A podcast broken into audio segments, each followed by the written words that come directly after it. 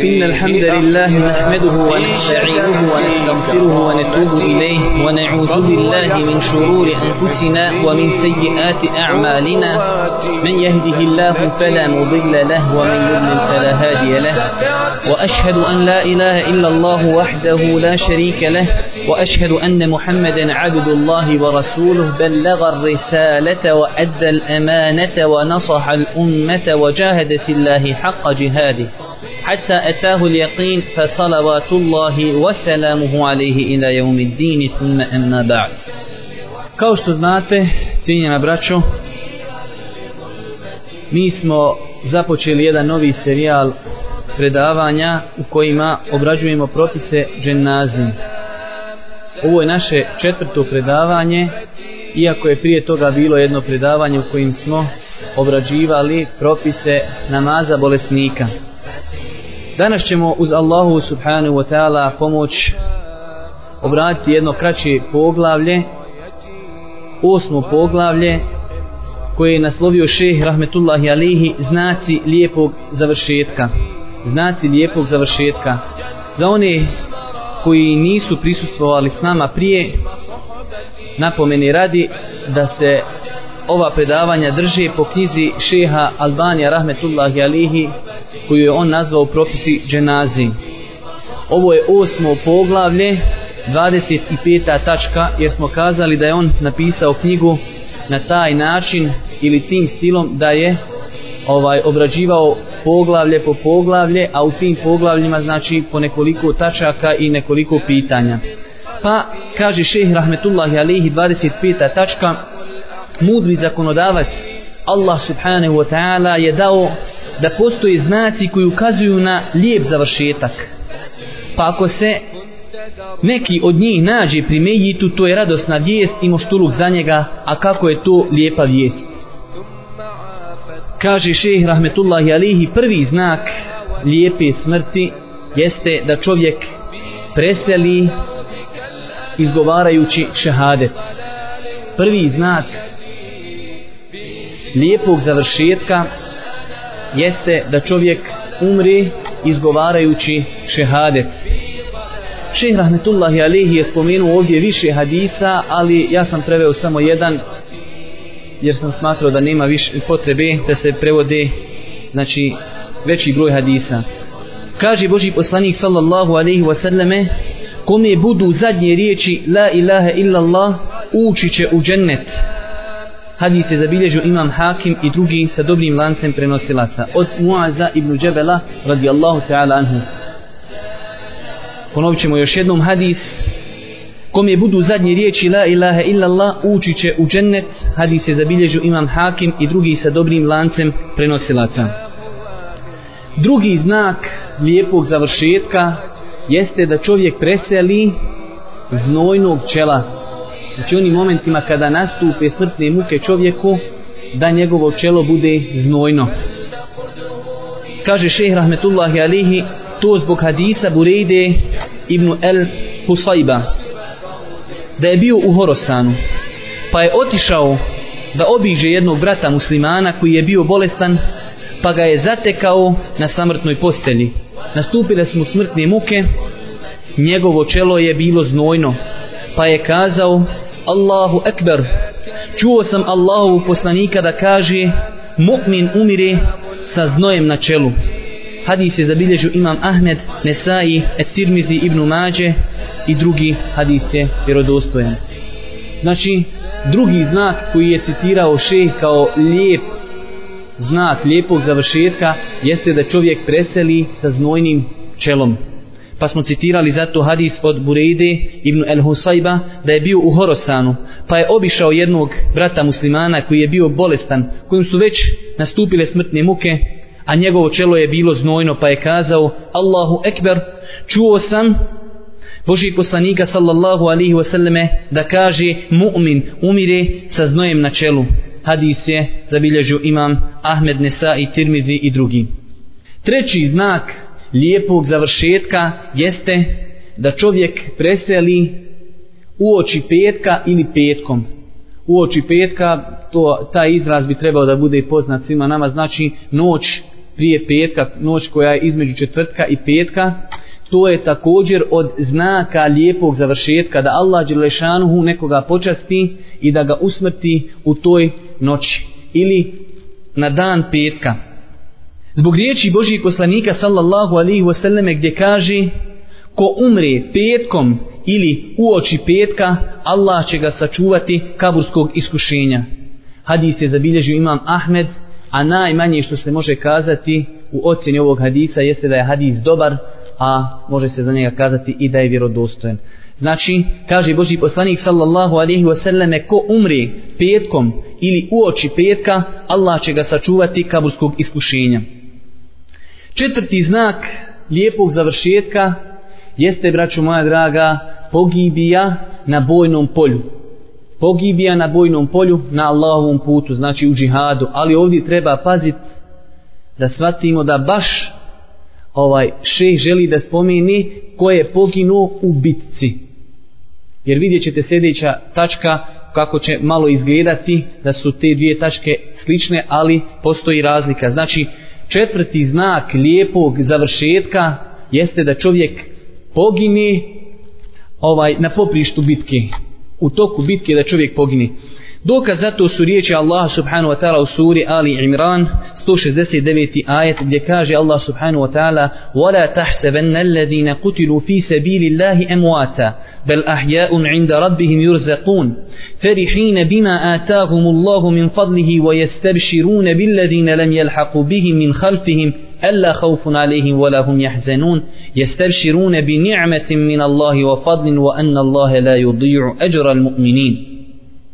Ovo znači što citiramo to je ajet koji je spomenuo šeh rahmetullahi alihi dokazujući da je pogibjen Allahom subhanahu wa ta'ala putu lijep završetak pa kaže Allah subhanahu wa ta'ala u prijevodu ovog kuranskog ajeta nikako ne smatraj mrtvima one koji su na Allahovom putu izginuli Ne, oni su živi, u izobilju su kod gospodara svoga. Radosni zbog onoga što im je Allah od dobrote svoje dao i veseli zbog oni koji im se još nisu pridružili, za koje nikakva straha neće biti i koji ni za čime neće tugovati. Rod, radovaći se Allahovoj nagradi i milosti i tome što Allah neće dopustiti da propadne nagrada onima koji su bili vjernici. Također kaže šeh rahmetullahi alihi na ovo da je od lijepih znaka i to da čovjek preseli u bitci, znači u toku bitke, ukazuju, kaže, mnogi hadisi, pa je on spomenuo neke od njih. Kaže, došao jedan ashab i kazao, rekao je jedan čovjek, o Allahu poslaniće, šta je to, mu'mini će biti iskušavani u kaburu osim šehida? Pa je kazao Boži poslanik sallallahu alaihi wasallame, dovoljno im je, znači šehidima, dovoljno im je iskušenja sjevanja sablji iznad glava. Hadis je zabilježio imam Ennesai i hadis je vjerodostojan. Znači ovaj hadis ukazuje na to da je od lijepih znaka da čovjek preseli u bitci i vidimo da u ovom hadisu Boži poslanik potvrđuje da će oni biti sačuvani kaburskog iskušenja i kaže kada je se ovaj ashab začudio zašto svi da će okusiti kabursko iskušenje osim šehidi pa kaže njima je dovoljno iskušenja znači kada su u toku bitke sablje sjevale poviš njihovih glava. Ovdje ših stavlja jednu opasku i kaže nadat je se da ovu vrstu šehadeta dobiju i oni koji su je iskreno tražili pa makar ne poginuli u borbi zbog riječi poslanika sallallahu alaihi wasallame ko bude tražio šehadet iskreno Allah će mu podariti stepene šehida, pa makar preselio na postelje, hadis je zabilježio ima muslim od Ebu Hureyri. Znači, vidimo ovdje koliku veliku ulogu igra nijet o kojem mi dosta puta govorimo. Znači, ona osoba koja iziže, iskreno tražići šehadet i želi šehadet na Allahom putu, Allah Đelešanu će mu podariti stepen šehida, pa makar preselio na posteni. Peti znak lijepog završetka jeste da čovjek preseli kao gazija na Allahovom putu. To je ta razlika u ovom, znači ovdje dijelu šeh želi da kaže da ona osoba koja iziđe i želi džihad i na tom putu preseli od neke prirodne smrti, to je inšala također lijep završetak da čovjek preseli kao gazija na Allahovom putu. Kaže šeh Rahmetullahi Alihi, o tome govori dva hadisa. Prvo, riječi Božijeg poslanika sallallahu alaihi wasallam da je jedne prilike kazao ashabima koga vi smatrate šehidom? Pa su kazali, ko pogine na Allahovom putu, to je šehid. Pa tada Boži poslanik sallallahu alaihi wasallam odgovori, tada bi šehidi moga ummeta bili malobrojni. Pa onda sahabi kažu, o Boži poslaniće, pa ko su onda šehidi? Pa kaže Boži poslanik, ko pogine na Allahovom putu, on je šehid. I ko umre na Allahovom putu, on je šehid. Ko umre u kugi, on je šehid. Ko umri od stomačne bolesti, on je šehid. I ko se utopi, on je šehid. Hadis je zabilježio imam muslim Ahmed od Ebu Hureyri. Imam Ahmed od Ebu Hureyri. Znači, vidimo da je od lijepih znaka, znači od stvari koje ukazuju na lijep završetak nekog insana, da preseli kao gazija na Allahum subhanahu wa ta'ala putu. Također, kaže Boži poslanik sallallahu alaihi wasallame, ko iziže na Allahovom putu, pa umre ili pogine, Vidite ovdje, pravi razlik, kaže, pa umre ili pogine, on je šehid. Ili ko padne sa jahalice, konja ili devi, koga ujede otrovni gmizavac ili ko umre na postelji od bilo koje vrste smrti, on je šehid i zaslužuje džennet. Ali ovdje ovo, da neko ne bi shvatio, pod uvjetom počinje hadis, ko iziđe na Allahovom putu, pa umre ili pogine, pa onda, pa koga ujede otrovni gmizavac ili ko umre na postelji od bilo koje vrste smrti, on je šehid i zaslužuje džennet. Hadis je zabilježio imam Ebu Davud, Hakim, Bejheqi, od Ebu Malika, radijallahu ta'ala anhu, a hadis je Hasan dobar. Šesti znak lijepog završetka jeste osobe koje preseli od kuge ili preseli u kugi u području koje je zahvatila kuga. Kaže šeh rahmetullahi alihi, o tome govore hadisi, mi ćemo spomenuti neke od njih. Od Hafse, čirke Sirinove, rekao mi je Enes ibn Malik, od čega je umro Jahja ibn Ebi Amra. Kaže, rekla sam od kuge, pa kaže on, čuo sam Allahu poslanika sallallahu alaihi wasallam da kaže, svaki musliman koji preseli u kugi, on je šehid. Et ta'unu šehadetu li kulli muslimin. Znači, kada čovjek preseli u kugi, inša Allah, ovaj, to se smatra šehadetom. Hadis je zabilježio imam Buharija, Tajalisi, imam Ahmed i drugi. Također, na ovo ukazuje hadis Aiši radijallahu ta'ala anha, kaže, pitala sam poslanika o kugi, pa mi je objasnio da je kuga bila kazna kojom je Allah subhanahu wa ta'ala kažnjavao prijašnje narode, koga hoće, pa ju je Allah subhanahu wa ta'ala učinio milošću za mu'mine i nema ni jednog mu'mina da ostane u mjestu u kojem hara kuga strpljivo očekujući znajući da ga ne može zadesiti osim ono što mu je Allah propisao a da neće dobiti nagradu šehida. Hadis je zabilježio imam Buharija imam Ahmed i imam El Bejhaqi poslušajte ovaj hadis koji također govori o osobama koje preseli od kuge i da je ta smrt da se smatra smrću šehida. Kaže se u vjerodostojnom hadisu, doći će šehidi i oni koji su preselili u kugi na sudnjem danu. Pa će reći oni koji su preselili u kugi, mi smo šehidi. Pa će im biti kazano, pogledajte, pa ako su vaše rane identične ranama šehida, pa onda opisuje se krv koja teče, a miris miska, oni su šehidi pa će otići, pa će vidjeti da su njihove, njihove rane identične ranama šehida. Hadis je zabilježio imam Ahmed Taberani, a hadis je dobar. Sjedmi, sjedmi znak lijepog završetka ili sedma stvar koja ukazuje na lijep završetak jeste da čovjek preseli od stomačne bolesti.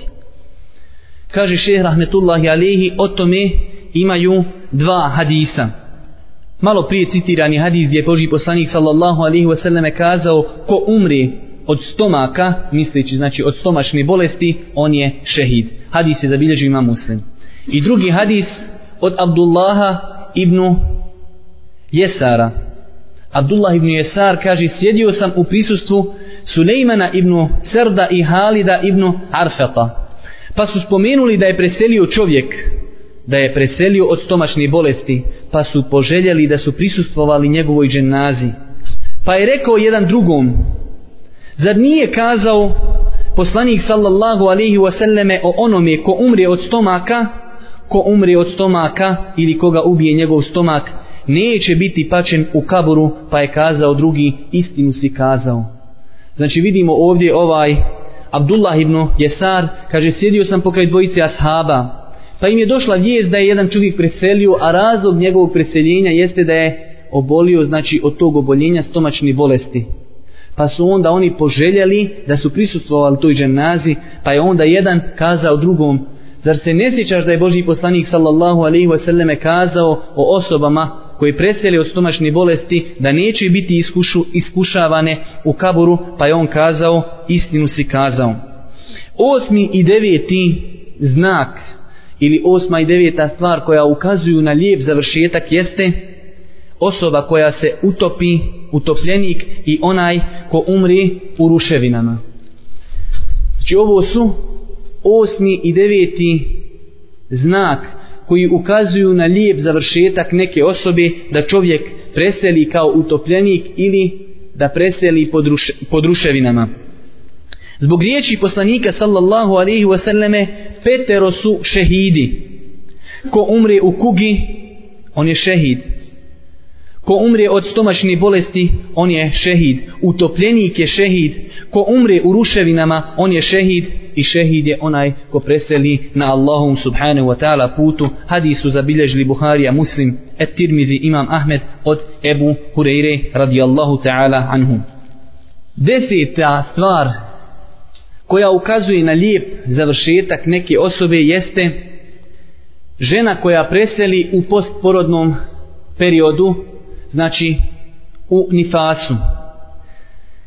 Zbog hadisa Ubade ibn Samita, da je poslanik sallallahu alaihi wasallame obišao Abdullaha ibn Ravahu, pa je kazao Boži poslanik sallallahu alaihi wasallame Abdullahu, znaš li ko su šehidi ovog ummeta? Pa kaže Abdullah, da musliman pogine kao šehid, da pogine znači u borbi na Allahom subhanahu wa ta'ala putu, pa kaže Boži poslanik, tada bi šehidi mog ummeta bili malobrojni. Pa kaže Boži poslanik sallallahu alaihi wasallame, ko pogine na Allahom putu, to je šehadet. Kuga je šehadet? Žena koja umri sa djetetom u stomaku, to je šehadet. Poslušajte ovaj kraj hadisa. Kaže, njeno dijete će je dovući u džennet njegovom vrpcom, znači pupčanom vrpcom. Hadis je zabilježio imam Ahmed Ed Darimi, Tajalisi, a hadis je vjerodostojan. Boži poslanik kaže, ona žena koja preseli sa dijetom u stomaku, a ima i drugi hadisa iz kojih ćemo vidjeti da ako žena preseli iz razloga poroda, znači može dijete čak i ostati živo, znači ako žena preseli u nifasu zbog poroda, ona potpada pod ovu ovaj kategoriju ljudi da će imati nagradu šehadeta i vidite kako Boži poslanik sallallahu alaihi wasallam pojašnjava ovdje da će to dijete svoju majku uvući u džennet sa svojom pupčanom vrpcom. 11. i 12. znak koji ukazuju na lijep završetak ova jeste da čovjek pogine ili preseli u požaru ili od tumura iako ovdje ovaj prijevod tumur nije baš najprecizniji, odnosno nisam našao boljeg izraza, tamo kaže Boži poslanik sallallahu alaihi wasallam ko preseli od bolesti koja se zove zatu džemb. Pa sam tamo našao da šeha Albani pojašnjava to da se misli na bolest koja je pod rebrima, a da su to otekline. Pa sam našao tamo u riječnicima da se to misli na tumure odnosno še Albani sam kaže, simptomi te bolesti su jaki bolovi pod rebrima, teško disanje, temperatura i kašalj. Pa sam našao pod znači ovim izrazom u riječniku da se misli pod tumor. Kaže še Albani rahmetullahi alihi, o tome su došli hadisi, spomenut ćemo samo neki riječi Božih poslanika sallallahu alaihi wasallam gdje kaže šehidi su sedmorica osim onoga ko pogine na Allahom subhanahu wa ta'ala putu. Ko umri od kuge on je šehid. Utopljenik je šehid. Bolesnik od znači ovih oteklina ili od tumura je šehid. Ko umre od stomaka on je šehid. Ko preseli u požaru on je šehid ko preseli pod ruševinama on je šehid i žena koja umre sa djetom je šehid. Hadis je zabilježio imam Ebu Davud en Nesaid a hadis je vjerodostojan. 13. stvar koja ukazuje na lijep završetak jeste da neko umre od tuberkulozi.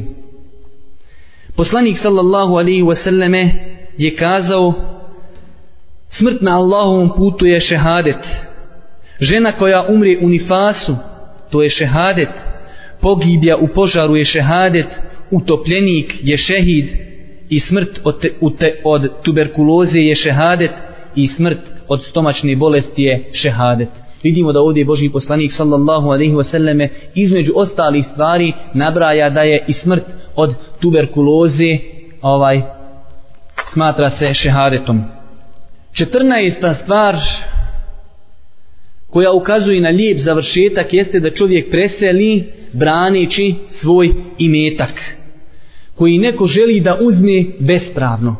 Pazite, ovdje je bespravno.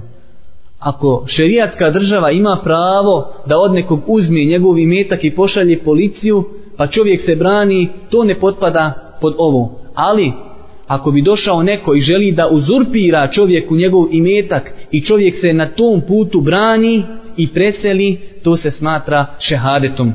Kaže šeha Albani rahmetullahi alihi, o tome govori hadisi.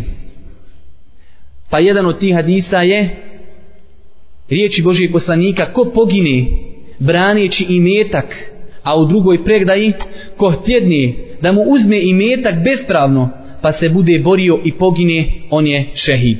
Hadis se zabilježio Buharija, Muslim, Ebu Davud, Imam Ennesai Et-Tirmidhi i drugi od Abdullaha ibn Amra. Također, sljedeći hadis od Ebu Hureyri, kaže, došao je čovjek poslaniku sallallahu alaihi wasallam i kazao, o Boži poslaniće, šta misliš da dođe čovjek i želi da uzme moj imetak? Kaže Boži poslanik sallallahu alaihi wasallam, ne daj svoj imetak. Pa nastavi čovjek, a šta ako me napadni? Kaže Boži poslanik sallallahu alaihi wasallame, bori se. Nastavi čovjek, a šta ako me ubije? Kaže Boži poslanik sallallahu alaihi wasallame, ti si šehid. Pa će čovjek ponovo, a šta o Boži poslaniće, ako ja njega ubijem, kaže, on će u džehennem, hadis je zabilježio imam muslim, en nesai i imam Ahmed, rahmetullahi alaihim vidimo da ovdje Boži poslanik sallallahu alaihi wasallame u oba ova hadisa spominje da čovjek koji preseli branići svoj imetak da se to smatra šehadetom na Allahom subhanahu wa ta'ala putu. 15. i 16. stvar koje ukazuju na lijep završetak jeste smrt na putu odbrani vjere i života. Zbog riječi Božih poslanika sallallahu alaihi wasallame gdje kaže ko pogine braneći imetak on je šehid. Ko pogine braneći porodicu, vjeru i život, on je šehid. Ko pogine braneći porodicu, vjeru, život, on je šehid. Hadis je zabilježi imam Ahmed, en nesaić, et tirmizić, hadis je vjerodostojan. Sedamnaesta stvar koja ukazuje na lijep završetak jeste da čovjek preseli u ribatu. A šta je ribat? Ribat je stražarenje, bdijenje na linijama, znači na pograničnim dijelovima islamske države u džihadu. Znači sedamnaesta stvar koja ukazuje na lijep završetak neke osobe jeste da čovjek preseli u ribatu, a ribat je znači bdijenje i čuvanje granica šerijatske države.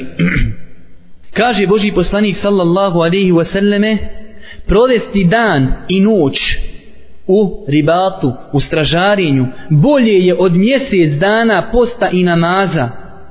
A ako preseli taj čovjek u tome, nastavit će mu se dijela koja je radio i bit će spašen iskušenja. Ovo je hadis muslima i Nesaije, a u jednoj predaji oko koje postoji razilaženje, znači vjerodostojnost ove predaje jeste i bit će, kaže, prošivljen kao šehid.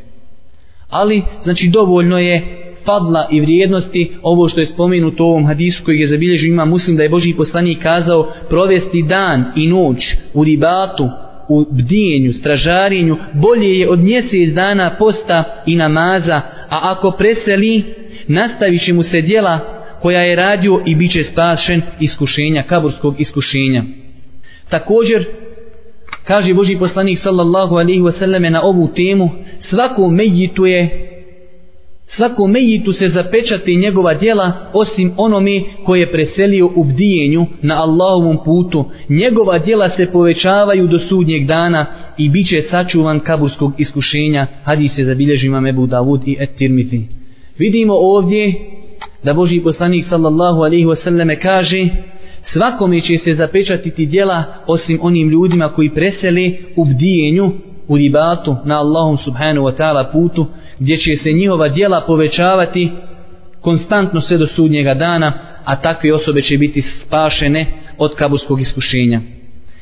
Osamna je ta stvar koja ukazuje na lijep završetak jeste, braćo moja draga, da čovjek završi svoj život radeći neko dobro djelo. Da smrt čovjeka zatekne u rađenju dobrog djela. Kaže Boži poslanik sallallahu alaihi wasallame ko kaže la ilaha illallah želeći time Allahovo zadovoljstvo i tako završi. Znači sa time završi svoj život ući će u džennet. Pa nastavlja Boži poslanik ko posti dan tražeći Allahovo zadovoljstvo i tako završi ući će u džennet ko posti dan tražeći Allahovo zadovoljstvo i tako završi ući će u džennet. I treća stvar ko udjeli sadaku želeći Allahovo zadovoljstvo i tako završi ili s time mu se završi džennet, e, s time mu se završi život ući će u džennet. Tri stvari je spomenuo Boži poslanik ko kaže la ilaha illallah i s time mu se završi život ući će u džennet. Ko posti i s time mu se završi život, ući će u džennet i ko udjeli sadaku i to bude zadnje što je uradio i s time mu se znači završi život, ući će u džennet, hadis je zabilježio imam Ahmed, a hadis je vjerodostojan. To je kraj osmog poglavlja iz ove knjige koju mi obrađivamo. Spomenut ćemo još jedno poglavlje koje nije inšala dugo, ali je izuzetno lijepo poglavlje veoma nepoznato nama i time ćemo ako Bog da završiti ovo naše večerašnje druženje, a sutra nas ako Bog da čeka jedan malo duži ders, jedno malo duže predavanje nakon predavanja šeha Bilala ako Bog da, gdje ćemo obrađivati temu kupanje Medjita i zamotavanje Medjita u čefine. Deveto poglavlje šeh Rahmetullahi Alehi naslovio je spominjanje Medjita po lijepom ili pohvale Medjitu.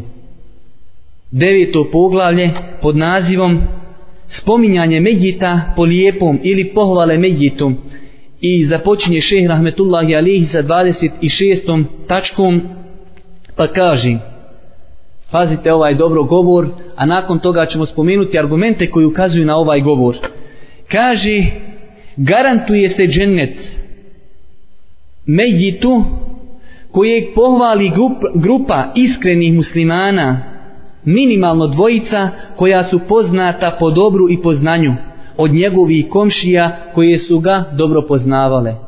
Ka, ovo je znači govor šeha Albanija rahmetullahi alihi gdje kaže garantuje se džennet osobi koju pohvali grupa muslimana a kaže minimalno dvojica Ali šta je uvjet za ovu minimalnu dvojicu? Da budu poznati da su dobri muslimani, da su povjedljivi, da su učeni i da su njegove komšije. Zato imate tamo u nekom arapskom svijetu, kao što navodi šeh u fusnotama, imate običaj da ljudi kada preseli, onda kao pitaju jedni druge, kao da bi se ispunio ovaj hadis, jeste li znali ovog čovjeka pa oni nekad i ne znajući ili znajući ga kao loše kažu ma znali smo ga bio je dobar ne bili samo potpao pod ovaj hadis. Ali to učeni ljudi neće kazat. Učen čovjek ako zna hajr on će ga kazat. Ako zna šer on će ga kazat ili će šutit. Ali ne možeš ga zaprkat pa da kaže hajr o nekom je ili koga ne zna ili o nekom je ko nije hajrli zato znači da rezimiramo i da spomenemo ponove ovu 26. tačku koja je veoma bitna garantuje se džennet osobi koju pohvali njegove komšije minimalno dvojica koja su poznata po dobroti, po znanju, znači pod uvjetom da su njegove komšije i da su ga poznavali. Kaže šejh rahmetullahi alihi, o tome je došlo više hadisa. Mi ćemo spomenuti neki. Prvi hadis od Enesa radijallahu ta'ala anhu, prenosi Enes radijallahu ta'ala anhu i kaže, pronešena je dženaza pokraj Božijeg poslanika sallallahu alihi wasallame, pa su prisutni pohvalili tu dženazu. Pohvalili su koga? Mejita. Neće hvaliti dženazu. Hvali Mejita koji je pronešen. Pa su kazali bio je dobar. Ono što mi znamo, oni kažu ono što mi znamo o njemu bio je dobar. Bio je od onih koji, je voli, koji su volili Allah subhanahu wa ta'ala i njegovog poslanika. Pa je kazao Boži poslanik Vajebet Uođebet, uođebet. Ova riječ uođebe od vađib. A šta je vađib? Obaveza. Boži poslanik je tri puta kazao obavezno, obavezno, obavezno. Nastavlja Enes. Pa su pronijeli drugu dženazu. Pa su je prisutni pokudili govoreći zaista je bio loš čovjek u Allahovoj vjeri. Pa je kazao Boži poslanik tri puta uođebet, uođebet, uođebet obavezno, obavezno, obavezno.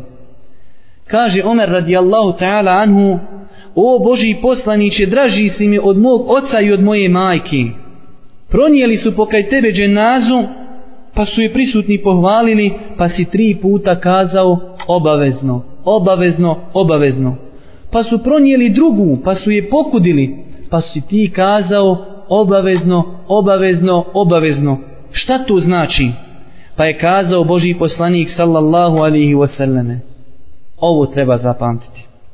Onu koju su pohvalili, njemu je obavezan džennet, a onu što su kritikovali i pokudili, njemu je obavezna vatra. Meleki su Allahovi svjedoci na zemlji.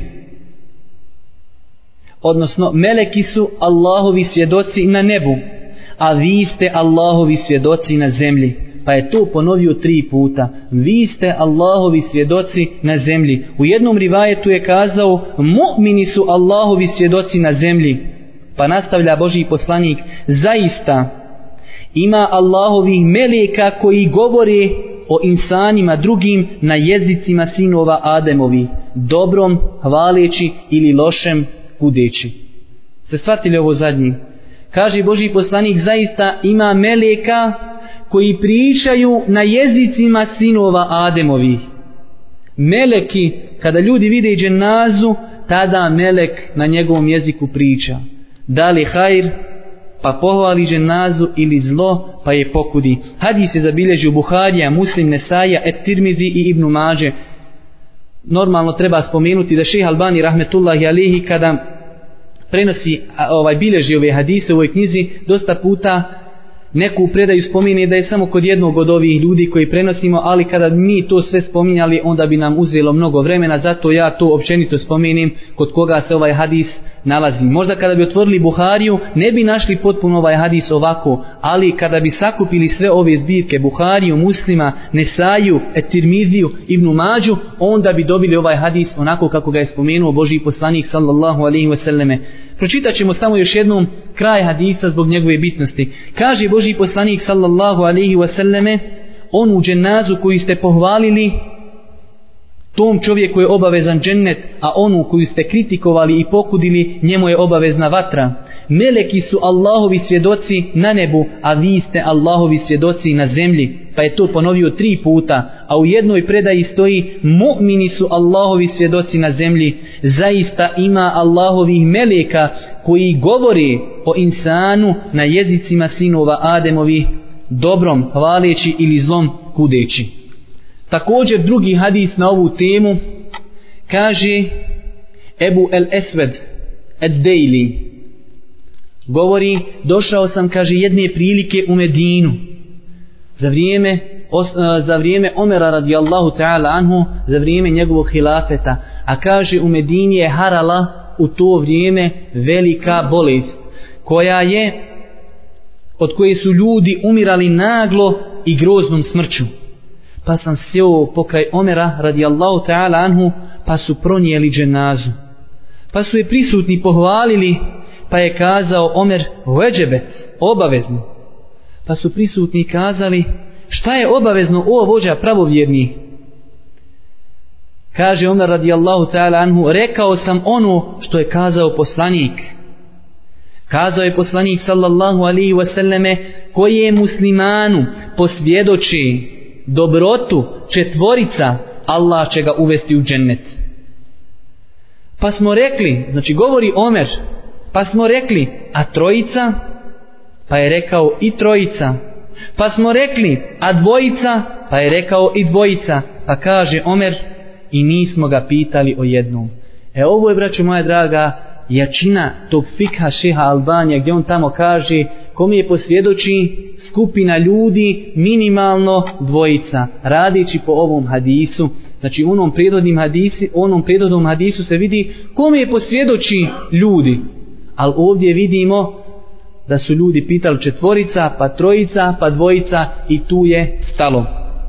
Treći hadis koji ukazuje na ovu stvar jeste hadis da kaže Boži poslanik sallallahu alaihi wasallame nema niti jednog muslimana kojim posvjedoči četvorica njegovih komšija da ne znaju o njemu ništa osim hajr a da mu Allah neće kazati ja sam prihvatio vaše svjedočenje i oprostio sam ono što vi ne znate.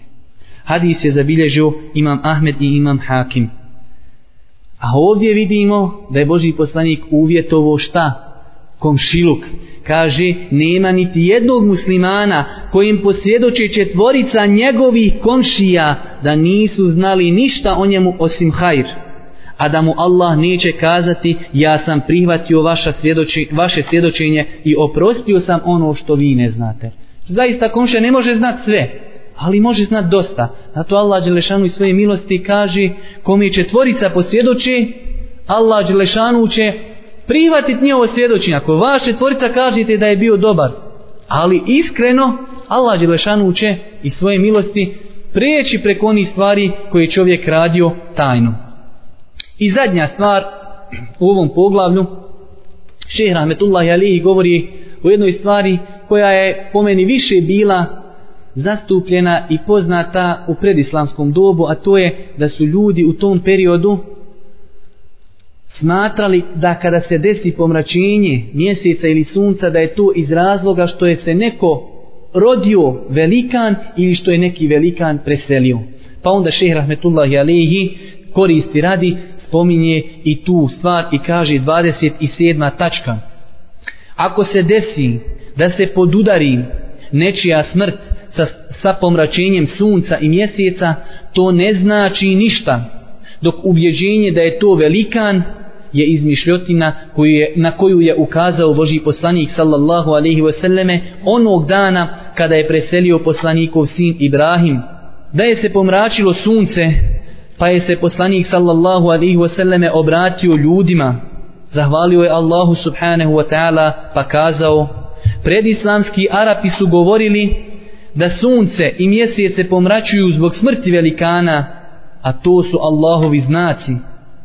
Oni se ne pomračuju zbog smrti, niti zbog rođenja nekoga.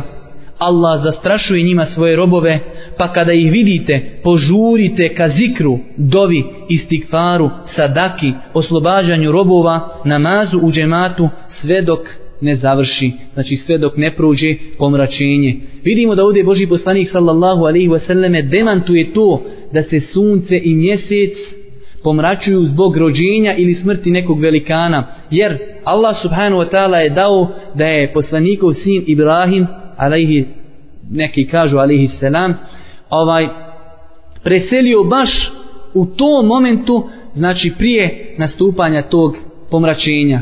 Ovaj hadis je zabilježen u Buhari i Muslimu, pa su neki ljudi to prokomentarisali po starom predislamskom običaju, kažu sunce je se pomračilo zato što je preselio poslanikov sin Ibrahim. Pa je onda Boži poslanik sallallahu alaihi wasallame popeo se na mimber i objasnio ljudima da pomračenje sunca i mjeseca nema nikakve veze sa smrću niti sa rađenjem bilo koga i onda je kazao da je to cilj pomračenja kao što ovaj Boži poslanik sallallahu alaihi wasallam pojašnjava kaže Allah Đelešanu želi time da zastraši svoje robove pa kada vidite to požurite u džamiju udjeljujte sadaku Allah Đelešanu spominjite sve dok se to ovaj ne završi. Ja sam imao namjeru da nešto progovorimo i ovom namazu ovaj namaz koji se klanja tom prilikom, ali inšala neka drugi put možda odvojimo čitavo predavanje, pa ćemo možda spomenuti neke stvari koje su bitne, to stvari koje se rijetko dešavaju, ali nema smetne da čovjek musliman zna ovaj propise koji se vežu za tu situaciju, jer velik broj ljudi ne zna da se namaz koji se klanja prilikom pomračenja mjeseca i sunca, da se klanja na različit način od običnog namaza, ovaj pa dokada se namaz klanja šta ako se na, završi namaz a nije prestalo ovaj pomračenje mjeseca i sunca? Da li će se učiti na glas koliko dugo se uči i ovaj da li taj namaz ima hudbu da li nema hudbe i još neki propisa o kojima su govorili islamski učenjaci u knjigama prava, ali možda neka drugi put. Molimo Allah subhanahu wa ta'ala da nas učvrsti u našoj vjeri. Molimo ga subhanahu wa ta'ala da nas počasti lijepom smrću i molimo ga subhanahu wa ta'ala da pomogne muslimane u cijelom svijetu. Subhanike Allahumma ve bihamdike ešhedu en la ilaha illa ente stavfiruke, wa etubu